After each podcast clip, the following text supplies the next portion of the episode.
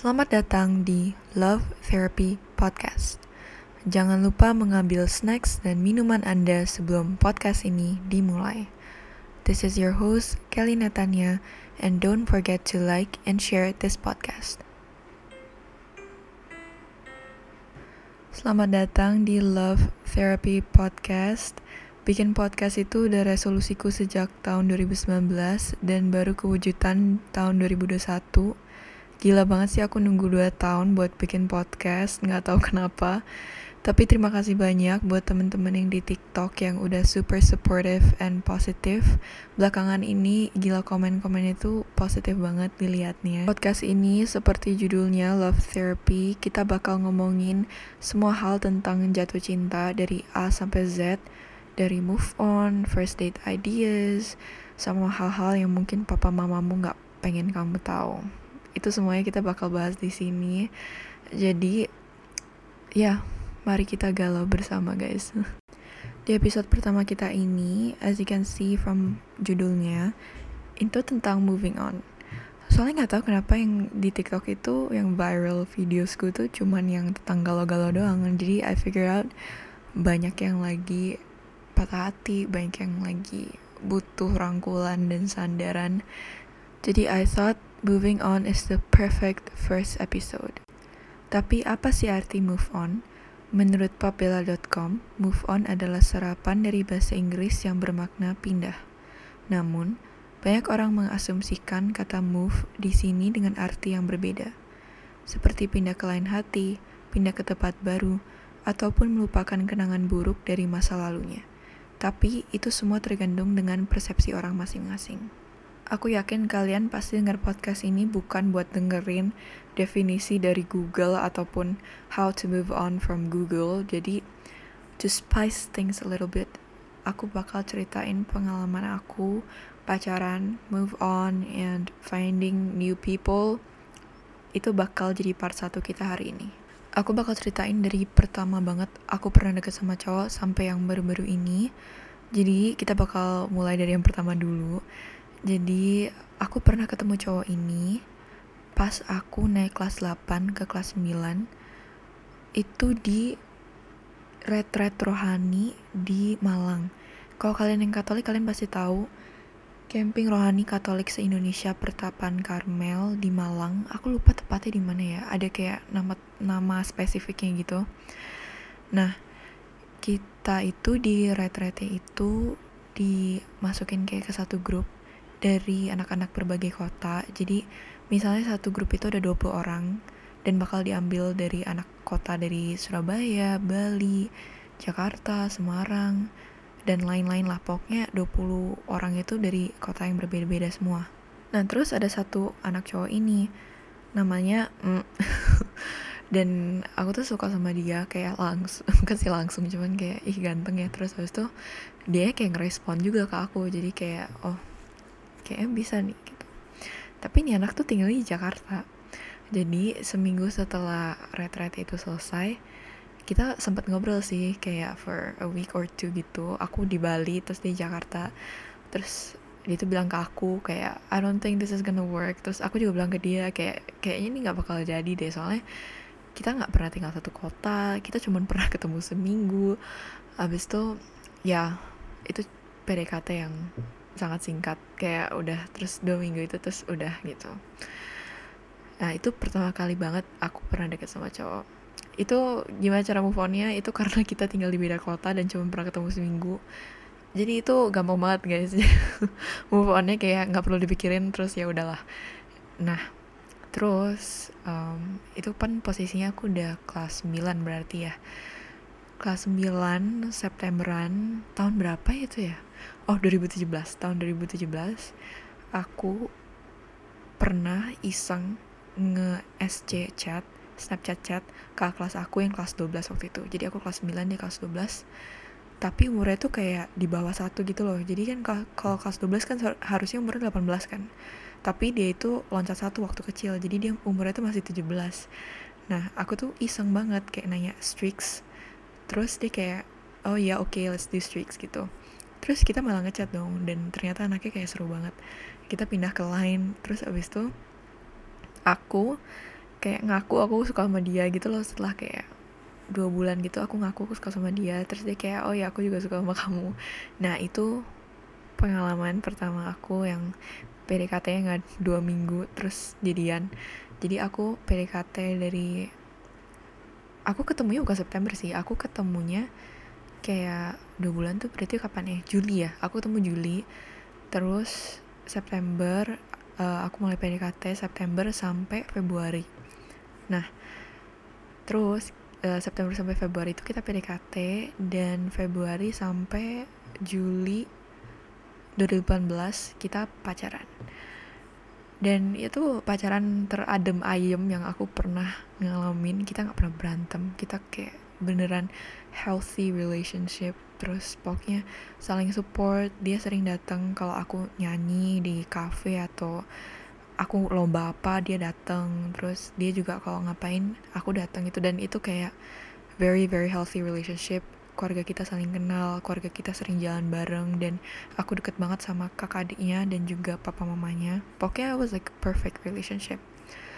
Kita putus karena dia mau kuliah ke Australia dan posisinya aku baru naik SMA kelas 1 jadi itu aku lulus baru tiga tahun lagi yaitu aku lulus tahun ini. Aku lulus baru tahun ini dan aku juga nggak tahu waktu itu tuh aku mau ke Australia atau enggak kuliahnya. Karena aku nggak terlalu pengen kuliah ke Australia dan dia kuliahnya ke Australia gitu loh. Jadi kita kayak udahan aja dah daripada pas LDR kita malah putus. Nah itu itu move onnya juga nggak susah jujur aja soalnya. Soalnya kayak nggak nggak ada drama apa apa gitu loh bukan yang putusnya karena oh dia selingkuh atau gimana gitu. Nggak sama sekali dan nggak ada apa-apa gitu loh. Jadi kayak bener-bener adem ayem banget. Dan itu move onnya cepet sih jujur aja. Um, karena dia juga pindah pergi dan aku juga you know I have a life here. Jadi kayak nggak terlalu mikirin dia juga. Terus aku single sampai Februari 2019 itu kan putusnya Juli 2018 terus Februari 2019 aku ketemu kakak kelas ini. Nah aku udah kelas 10 ini. Aku udah kelas 10 semester 2 terus kakak kelas ini tuh kelas 11 aku iseng lagi. Jadi aku um, anaknya suka iseng memang. Jadi aku iseng nge-DM kakak kelas ini eh bukan. Aku pertama iseng nge-follow second accountnya kakak ini kakak, kakak kelas ini. Dan ternyata diterima dong uh, di accept gitu loh. Tak kira nggak diterima soalnya kita kayak nggak pernah ngomong gitu. Jadi kayak aku pikir ya udahlah. Aku iseng doang kayak nge nge apa ya nge follow gitu. Kali-kali aja diterima taunya beneran diterima. Terus aku reply storynya dia dan dari reply itu kita jadi ngechat gitu. Terus jadi kayak pindah ke lain dan segala macem. Dan dua minggu kemudian setelah kita chat gitu dia tembak aku dan aku bilang iya gitu. Cepet banget kan dua minggu doang PDKT-nya kita pacaran sampai Agustus 2019 jadi Februari sampai Agustus. Itu berapa bulan ya? 6 ya? Yang waktu itu juga 6 kalau nggak salah. Yang pertama juga kayaknya 6 deh pacarannya 6 bulan. Ini juga 6 bulan dari Februari sampai Agustus. 6 apa 7 ya? Nggak tahu deh.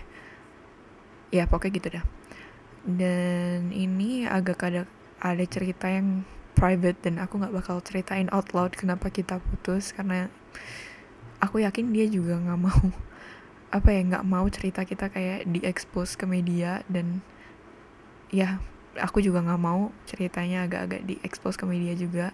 Tapi intinya kita kita ada masalah dan memang itu memang harus kayak putus karena itu udah toxic banget. Dan ya putus lah intinya. Nah terus ini agak agak-agak sih move onnya ya. Agak susah move onnya soalnya gimana ya um, apa ya nggak tahu kenapa ya susah move on. Kayaknya karena juga kita ketemuan di sekolah terus juga setiap hari. Terus kayak masih saling chat gitu loh walaupun udah putus tuh masih chat. Jadi kayak hmm, kayak masih chat gitu. Jadi aduh kayak masih ada memori lah. Tapi nggak terlalu lama juga sih jujur aja move onnya. Kayak cuman sebulan sebulanan lebih. Sebulan lebih karena dia cepet banget dapet cewek baru dan aku langsung kayak sakit hati gitu. Ya jadi itu juga sih yang bikin aku cepat move on. Dan setelah itu Septemberan Septemberan kayak September akhir gitu aku di DM sama ada satu cowok. Aku kenal cowok ini dari SD tapi dia tuh pindah sekolah sama aku dan dia tuh ke kelas aku satu. Jadi itu kan Agustus kan aku putus sudah kelas 11 kan kelas 11 semester 1 dan September berarti aku masih kelas 11 dan ke kelas itu kelas 12 ini beda sekolah nah aku kenal anak ini dari gereja cuman kita nggak terlalu deket sih cuman dia tuh pernah suka sama aku dan segala macem. Jadi pernah ngobrol dulu waktu SMP karena dia suka sama aku dulu. Nah terus dia itu kontak aku lagi tiba-tiba kayak Hai Kelly gitulah di DM Hai Kelly apa sih basa-basi besok?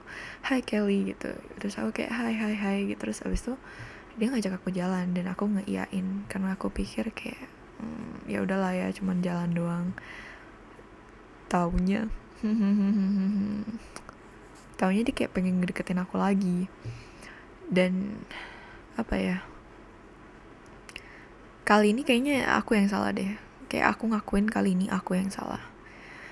Karena dia itu dia tuh ngaku kalau dia itu pengen ngedeketin aku lagi. Dan aku waktu itu masih belum bisa move on dari mantan aku tapi aku kayak ngebaperin dia gitu loh. Oh ya ini aku ini aku yang salah sih jujur aja. Um, dan dia akhirnya jadi kebaperan dan dia nembak aku. Pas dia nembak aku aku tuh belum siap buat kayak be in a new relationship karena aku belum fully move on dari cowok yang sebelumnya. Dan juga kalau misalnya aku udah pacaran lagi sama cowok baru sebulan setelah aku putus sama cowok lama itu kayak agak kagak nggak sih? Kayak kayak nanti dibilangnya kayak aku udah sama cowok ini waktu aku sama sama masih sama cowok yang sebelumnya gitu loh. Jadi aku kayak nggak mau ada rumor itu. Dan aku tolak dia. Dan dia kayak marah banget sama aku. Bukan sih marah dia sakit hati sih sama aku. Karena ya karena aku baperin dia cuman giliran ditembak gue nggak mau kan aneh ya. Terus ya aku kena karmanya sendiri guys. Nah ini move on terburuk sepanjang masa. Jadi setelah aku nolak dia. Minggu depannya aku suka sama dia. Dan aku nggak bisa move on satu tahun. Satu tahun. Satu tahun. Padahal kita udah nggak udah nggak chat nggak apa udah kayak wow udah wow ini move on terlama dan tergila aku dan mohon maaf kalau lu denger ini. Sorry I don't think he's gonna hear this sih. Tapi kayak gila maaf banget. Gila itu maaf banget dan gue tau banget itu gue yang salah. Jadi kayak tapi kita temenan sih sekarang. We're chill now we're okay we're good. Uh, ya yeah, ini move on terlama. Aku gila banget sih ini. Jadi jadi Oktober 2019 sampai Oktober 2020 aku buat baru move on. Di tengah-tengah itu memang sih kita sempet chat dan sempet deket lagi. Tapi nggak sedekat nggak se sedekat yang September Oktober 2019 itu. Dan aku sempet tembak dia juga Juli 2020 tapi dia nolak aku. Ya karma gue tapi ya yeah, I deserve it sih. I deserve ditolak sama dia. Dan tetap aja ya kayak tetap aja aku nggak bisa move on setelah ditolak sampai Oktober. Sampai aku ketemu sama cowok ini. Itu November.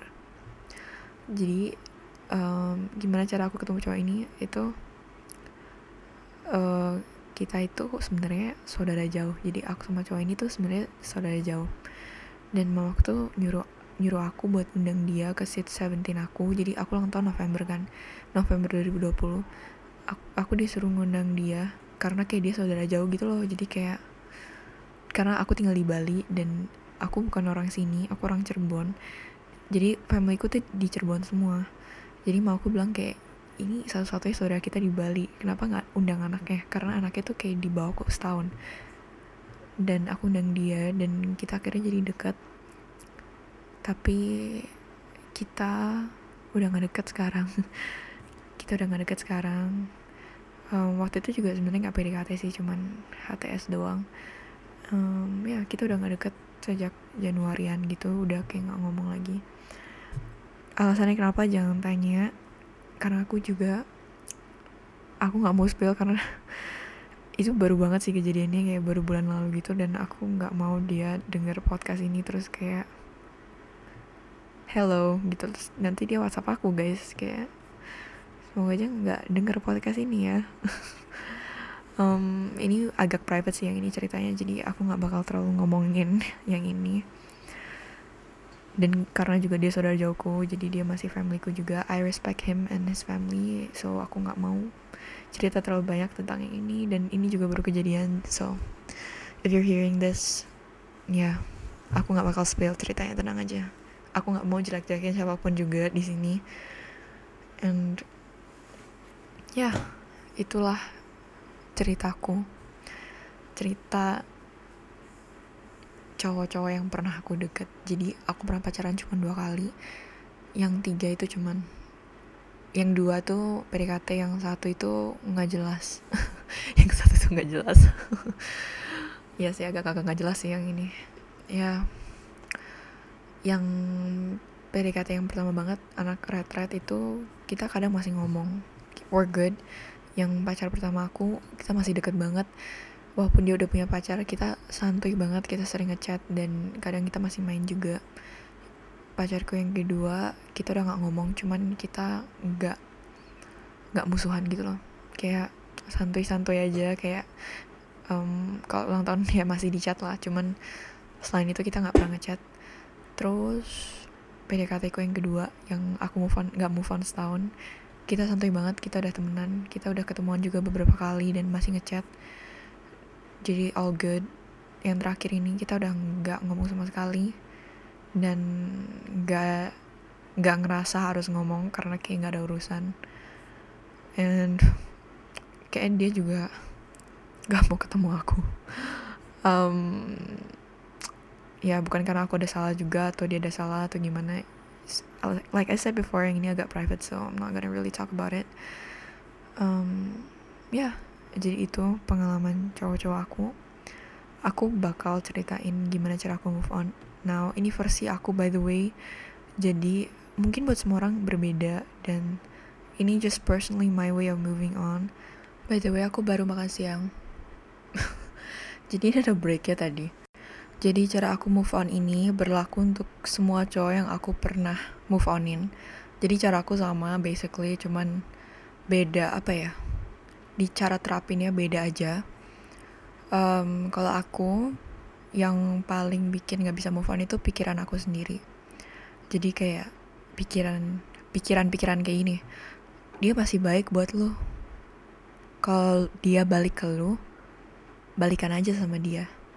Padahal jelas-jelas cowoknya udah gak baik buat gua gitu. Atau pikiran-pikiran kayak dia masih sayang kok sama lu dia masih view story lu dia masih nge-like foto lu dia masih perhatian sama lu. Padahal jelas-jelas dia udah move on gitu padahal jelas-jelas dia punya cewek baru gitu. Pikiran-pikiran kayak gitu yang buat aku nggak bisa move on sih. Sebenarnya kayak jelas-jelas dia udah nggak mau sama aku jelas-jelas dia udah gak suka sama aku jelas-jelas dia udah kayak nganggap aku cuman teman nganggap aku cuman ya udahlah kita pernah samaan tapi kita udah nggak samaan lagi. Dan kadang yang bikin aku susah move on itu ya pikiran jahat aku sendiri yang mikirnya dia masih sayang sama aku. Mikirnya yang kayak oh my god dia lah story gue kayak pertama gitu. Kayak aduh padahal tuh ya kebetulan aja kali dia lah story lu pertama gitu. Itu sih yang bikin aku susah move on tuh pikiran aku sendiri. Jadi what I try to do is buat pikiranku gak mikir kayak gitu. Ngerti gak sih? Kayak buat pikiranku mikirin yang lain buat pikiranku capek. Nah dua ini yang main buat aku adalah satu buat pikiran aku mikirin yang lain sama buat pikiranku capek. Pikiran buat pikiranku yang capek itu buat pikiranku capek itu jauh lebih am, jauh lebih gampang daripada buat pikiran kita mikirin yang lain. Jadi aku bakal mulai dari yang gampang dulu. Jadi cara buat pikiran aku capek itu olahraga. Dan kalau kalian teman dekat aku atau mamaku aja tahu kalau aku tiba-tiba sering olahraga itu berarti aku lagi coba move on dari orang. Bukan karena aku pengen kayak glow up terus bukan buat mereka menyesal bukan. Cuman kalau aku ngeluarin energi aku buat olahraga aku jadi capek. Karena pas olahraga itu aku lebih fokus kayak gila nih pantat gue sakit atau kayak abs gue sakit. Gue aku lebih fokus ke abs ku sakit daripada kayak ada cowok yang barusan kita udahin. Jadi kayak menurut gue itu ampuh sih. Olahraga coba olahraga yang baru. Jangan coba olahraga yang lu udah pernah coba. Jadi waktu itu waktu aku coba move on dari pacarku yang kedua aku coba volley. Aku coba volley sama muay thai dan ampuhnya minta ampun. Aku volley dua kali seminggu muay thai dua kali seminggu dan tuh pegel banget. Bikin aku pegel pulang ke rumah pengennya tidur doang kan jadi dan volley itu ekskul di sekolah. Jadi aku main sama temen-temen buat aku nggak mikirin dia buat aku fokus ke gamenya. Dan kebetulan banget itu volleyball season waktu itu. Volleyball season itu kayak artinya itu bulan-bulan yang ada kompetisi volley di Bali. Jadi aku ikutan kompetisi itu dan jadinya aku sibuk setiap minggu aku ikutan kompetisi volley. Jadinya aku sibuk dan nggak mikirin mantan aku itu. Dan aku juga muay thai dan itu Muay Thai bikin pegel banget sumpah. Jadi kayak ya jadi ya udah ya udah aku ya pegel. Jadinya ke rumah itu gak ada waktu buat mikirin dia. Yang ada waktu tuh buat mikirin PR sampai rumah. Terus habis itu ya udah istirahat kan atau nggak nonton YouTube nonton Netflix. Tapi kayak waktu buat mikirin dia tuh nggak ada. Uh, jadi setelah aku olahraga itu ampuh sih setelah aku mulai olahraga itu aku mulai lupa sama cowok cowok yang sebelumnya. Cowok maksudnya cowok yang aku baru udahin. Kedua punya teman baru. Punya teman baru atau um, bring back old friends. Bring back old friends punya teman baru. Um, punya teman baru doesn't necessarily mean kamu harus cari teman baru. Bisa aja teman sekelasmu yang kamu nggak pernah ngomong tapi kamu ajak ngomong um, aku bikin banyak banget teman baru. Pas aku coba move on itu wah banyak banget teman barunya. Bikin aku lupa. Karena apa ya kalau kita lihat teman lama gitu ya temen yang kita udah tahu gitu. Kayak you don't need to exert more effort buat bikin conversation. Ngerti nggak? Jadi kayak kalau udah lama temenan udah dekat bla bla bla udah nyaman lah intinya. Kamu nggak perlu exert effort lebih buat bikin conversation karena kalian udah saling kenal. Tapi kalau kamu sama temen baru you gotta like keep the conversation going gitu loh. Jadi itu tuh buat kita kayak nggak ada celah buat mikirin mikirin yang enggak enggak dan kalaupun teman dan kalau teman lama itu kan udah tahu cerita lu sama misalnya cowok ini. Malah dia bisa jadi kayak ngungkit masalah itu dan bikin lu mikir lagi. Tapi kan kalau teman baru kan they don't necessarily know like what happened sama cowok ini gitu loh. Jadi kayak itu sih. Dan juga it brings suasana baru environment baru. Kalian diajak ke tempat-tempat baru yang kalian nggak pernah ke sana juga. Kayak misalnya punya teman baru abis itu oh temannya nih suka ke tempat ini jadi kamu diajak ke tempat ini. Ya kan apa ya suasana baru nggak sih? Kayak enak aja ada suasana baru. Itu kedua. Ketiga ini kalau kalian mau apa namanya kalau kalian mau langsung cari cowok baru ya kalau misalnya kalian mau kan ada sih beberapa orang yang kayak pengen move on purely abis itu happy with themselves tapi ada juga orang yang pengen move on terus dapet cowok baru dan eh, gak gak salah sih maksudnya ya iyalah ya iyalah kita butuh cowok baru. Nggak gitu sih maksudku cuman kayak ada sih orang yang kayak pengen move on to be happy with themselves tapi ada juga orang yang pengen move on dan dapat cowok baru dan nggak ada yang salah dodonya jadi kalian bisa download Hoop. Ini sih sebenarnya bukan buat ketemu cowok ya menurut aku ini cuman pelarian doang sih kalau Hoop ini. Hoop itu kayak kayaknya sister company Snapchat deh kalau nggak salah. Soalnya di linknya itu ke Snapchat kayak ada connection between Snapchat gitu. Dan kamu bakal sibuk ngebalesin Snapchat cowok-cowok banyak banyak cowok-cowok yang bakal kayak hai hai gitu. Ya itu menurut, menurut aku itu cuma distraction sih. Cuma bukan buat dijadiin serius bukan buat dijadiin komitmen cowok-cowok itu. Cuman buat apa ya cuman buat nggak sih pelarian bukan sih pelarian as in pelarian komitmen cuman pelarian pikiran aja. Kayak biar kamu nggak mikirin cowok itu terus ya biasanya aku kalau lagi coba move on aku pasti re-download hoop aku. Tapi kalau lagi deket sama orang aku pasti delete hoopku. Uh, ampuh sih sebulan pertama dua bulan sebulan setengah pertama hope ini ampuh. Abis itu delete aja. Kalau nggak nanti malah kalian malah komitmen sama cowok yang cowok online. Itu salah satu trick aku itu download hope tapi ingat sekali lagi bukan buat dijadiin komitmen cuma buat senang-senang doang. Buat mengalihkan pikiran doang um, keempat itu aku karena aku religius aku Katolik by the way. Kayak tadi aku udah sebut aku aku sempat sebut aku Katolik.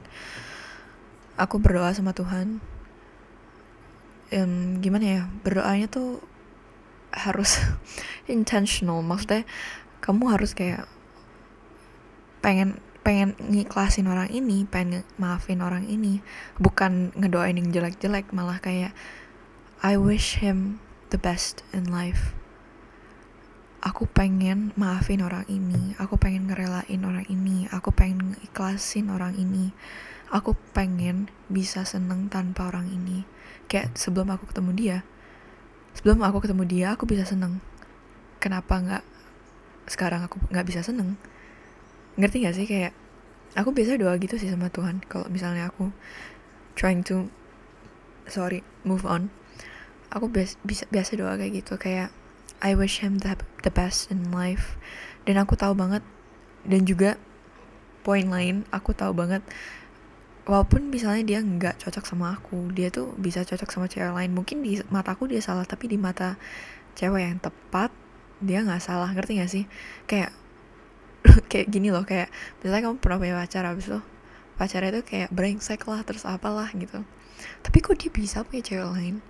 Mungkin aja pas ketemu cewek itu cowok itu berubah menjadi orang yang lebih baik. Kenapa? Karena itu cewek yang tepat. Dan kenapa pas lama lu gak berubah? Karena lu bukan jodohnya lu bukan orang yang tepat. Dan aku selalu doa ke Tuhan kayak may they find their soulmate. Kayak ya ngerti gak sih? Kayak may apa sih bahasa Indonesia may they may they find their soulmate. Apa bahasa Indonesia um, biarlah mereka ketemu jodoh mereka. Dan aku nggak pengen sakit lihat mereka bahagia. Aku pengen bebas lihat dia bahagia. Aku pengen seneng lihat dia bahagia. Walaupun misalnya aku udah nggak nggak punya pacar dulu dan mereka punya pacar duluan aku pengen feel happy gitu loh. Kayak I am thankful that you are a part of my life. And gue nggak sedih karena itu selesai. Tapi gue bahagia karena lu pernah terjadi dan ini ada hubungannya sama poin yang kelima itu ubah mindset kalian. Ubah mindset kalian ke ini sih moto motoku paling paling motoku paling paling. Itu if it's meant to be it'll be. Kalau jodoh pasti balik. Don't be sad cause it ended but be happy cause it happened. Itu tiga moto aku yang paling ampuh di kepala aku if it's meant to be it'll be. Tenang aja jodoh itu di tangan Tuhan. Kalau mereka memang punya mau mereka bakal balik dengan gampangnya. Dengan gampangnya atau ya mungkin kalian harus melalui kesulitan apa. Cuman kalau memang jodoh ya pasti jodoh toh. Gak bakal ke mana-mana. Jodoh gak ke mana-mana. Apa yang kedua tadi aku bilang ya? Kok lupa ya? Kalau jodoh oh ya kalau jodoh di tangan Tuhan uh. dan aku juga mikir itu jadi jangan dipaksain jangan kayak nangis-nangis ngemis minta mereka balik jangan udahlah apa yang terjadi itu semua buat kebaikan kalian karena sekali lagi orang itu datang ke kehidupan kalian itu karena ada alasan. Everyone comes into your life for a reason, either a blessing or a lesson. A blessing maksudnya either itu soulmate kamu atau pelajaran yang kamu harus petik. Maksudnya itu juga bisa jadi cowok ini um, mengajarkan kamu sesuatu. Kayak misalnya jangan langsung percaya sama cowok baru ketemu langsung kayak percaya gitu bisa jadi ya itu kan contoh kan aku bukannya bilang aku pernah kayak gitu cuman itu contoh doang um, ya maksudnya Tuhan tuh ngasih cowok itu buat nunjukin eh loh lu perlu pelajaran ini gitu loh dan kadang cowok itu bukan buat menetap cuman buat saling tatap. Kadang ya aduh gue jadi quotes quote galau.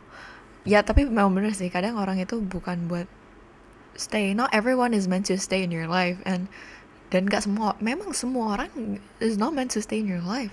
Either they're gonna go karena apa atau they're gonna be like dipanggil Tuhan gitu loh not everyone is semua orang nggak meant to stay in your life. Everyone is temporary. Semua orang itu temporary di hidup lu. Jadi gimana ya? Ya udah gitu loh. Ya udah dan yang bakal stay lama itu ya yang Tuhan kasih gitu loh. Jadi ubah mindset kalian. Jangan boleh nangis boleh banget nangis. But jangan lama-lama. Nangis nangis feeling down itu juga semua ada batas waktunya. Dan batas waktu kita itu berbeda. Aku punya batas waktu sendiri dan kamu punya batas waktu sendiri. Ini by the way sorry banget nih anjing gue berisik by the way. Dia lagi mainan sama mainan nih.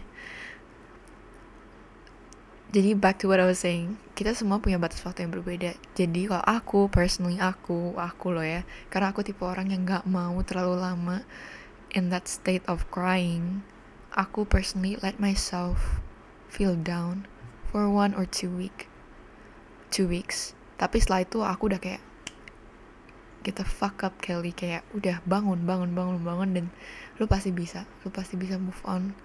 Lu pasti bisa dapetin kebahagiaan walaupun bukan dari dia gitu loh karena kebahagiaan tuh bukan dari orang doang bukan dari cowok doang. Kebahagiaan bisa dari dalam kebahagiaan bisa dari teman dari keluarga orang tua segala macam. Nggak cuman dari cowok doang. Jadi ya ubah mindset kalian.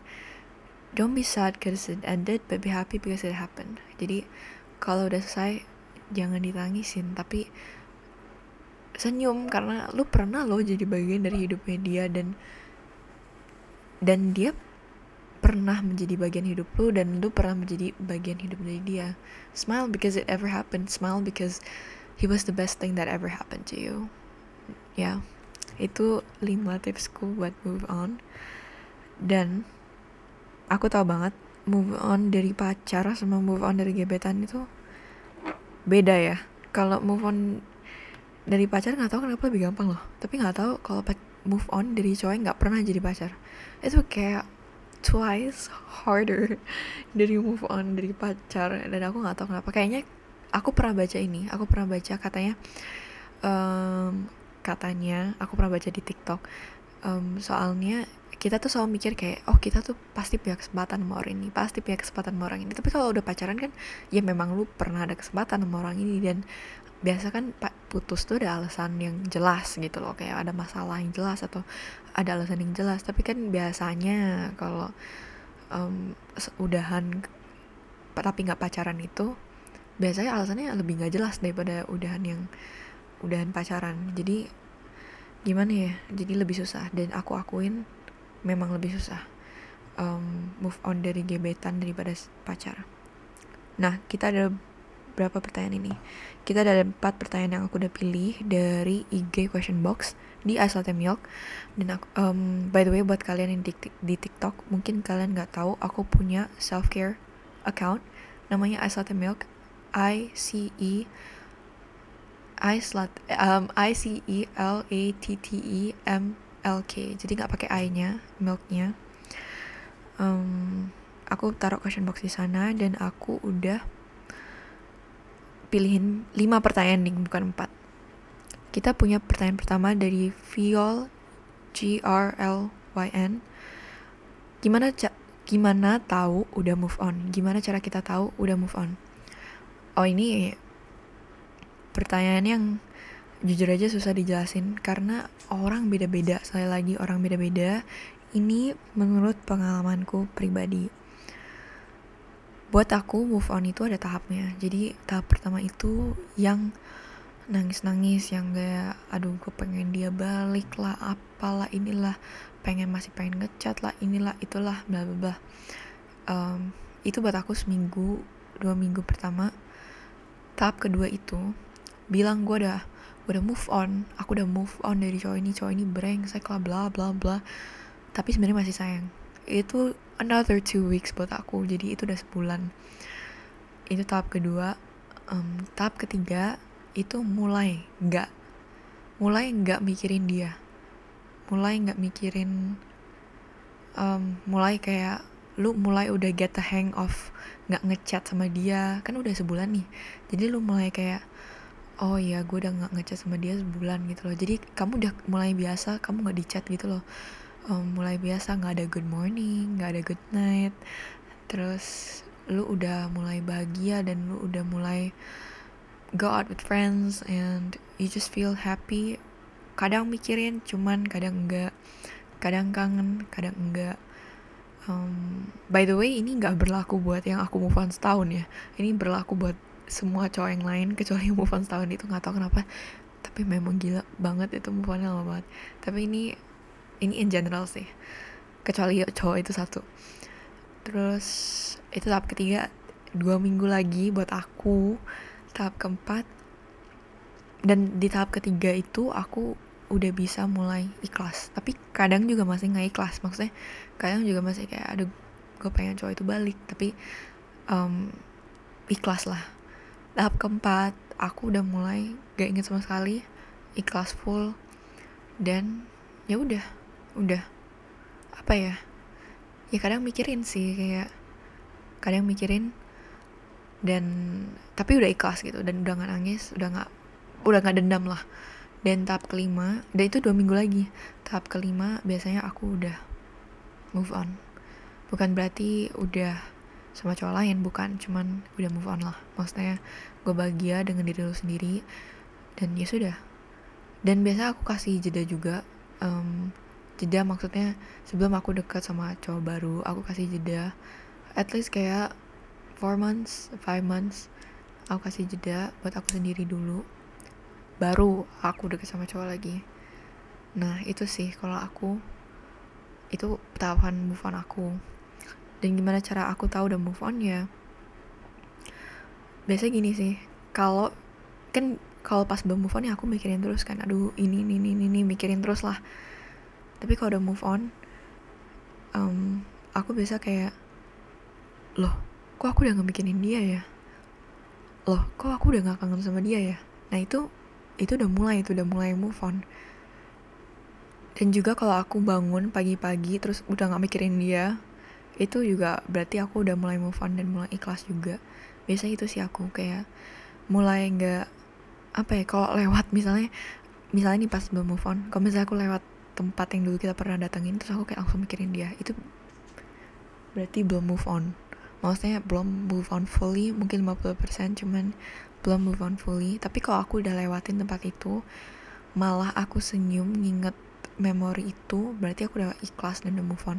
Tapi kalau misalnya aku lewat tempat itu terus aku inget terus kayak aku malah jadi sedih terus kesel gitu berarti aku belum move on. Intinya kalau aku ngerasa kayak kalau aku ngerasa seneng nginget mereka berarti aku udah move on ya gitu sih cara aku dan aku tahu itu beda buat semua orang jadi jangan disamaratakan tapi kita bakal move on to the next question. Kenapa move on susah banget dari ANXX underscore? Karena semua hal yang indah itu butuh perjuangan. Itu sih menurutku. Move on is a beautiful thing. Artinya kamu udah ikhlas, mudah bermaafan dengan masa lalumu, dan kamu udah siap untuk membuka lembar yang baru, either sendiri atau berdua atau rame-rame. Tapi karena semua hal yang indah butuh perjuangan jadi move on itu susah karena moving on is a beautiful thing. So perlu perjuangan dan semua hal yang indah butuh perjuangan. Sekali lagi aku bakal ucapin itu terus semua hal yang indah butuh perjuangan. Itu next pertanyaan ketiga dari Devina.e kenapa pas tahap terakhir move on orang itu biasanya malah datang? Memang ya ada ngadi-ngadi ya orang-orang tuh biasa kayak pas kita udah kayak oh my god gila gue udah move on dari orang ini. Orang itu malah dateng kayak ngapain lu dateng ngapain lu dateng kayak ngapain lu dateng gue gak ngerti kayak ngapain lu nyakitin gue terus datang lagi?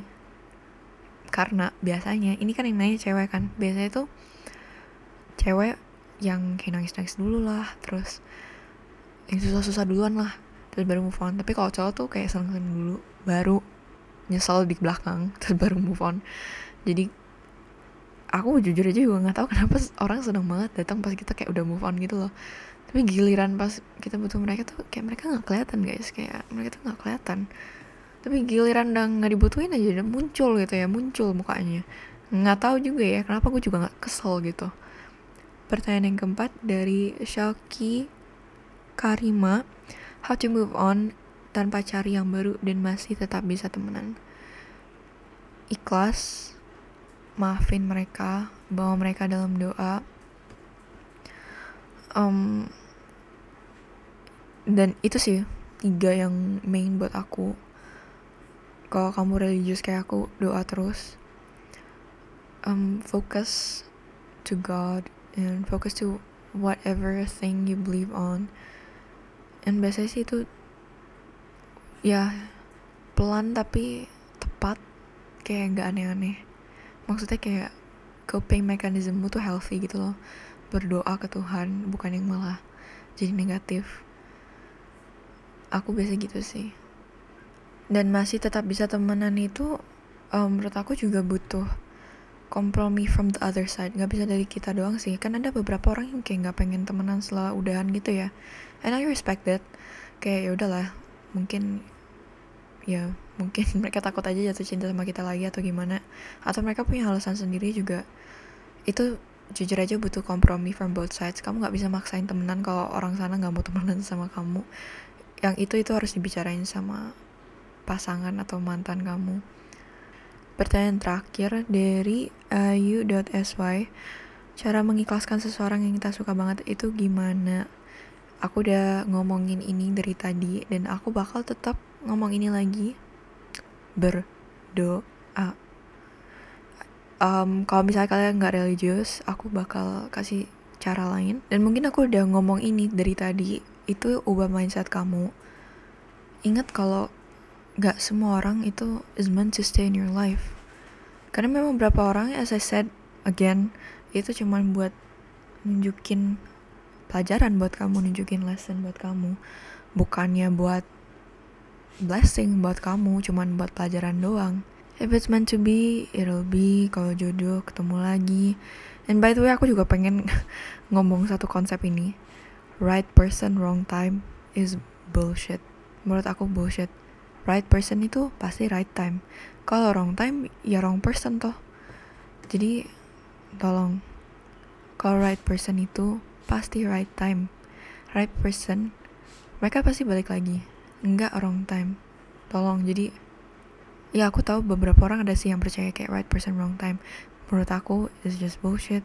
Right person wouldn't be the wrong time. So, ya, kayak kita cukup sampai di sini hari ini karena ini udah 42 menit dong aku nge-record ini dan suaraku juga udah mulai capek dan serak. And sekali lagi, thank you so much especially buat anak-anak TikTok yang very very supportive, very very positive. Terima kasih banyak yang udah dukung aku sampai sini. Sampai ketemu di episode Love Therapy selanjutnya. This is your host Kalinetanya and Thank you so much for listening.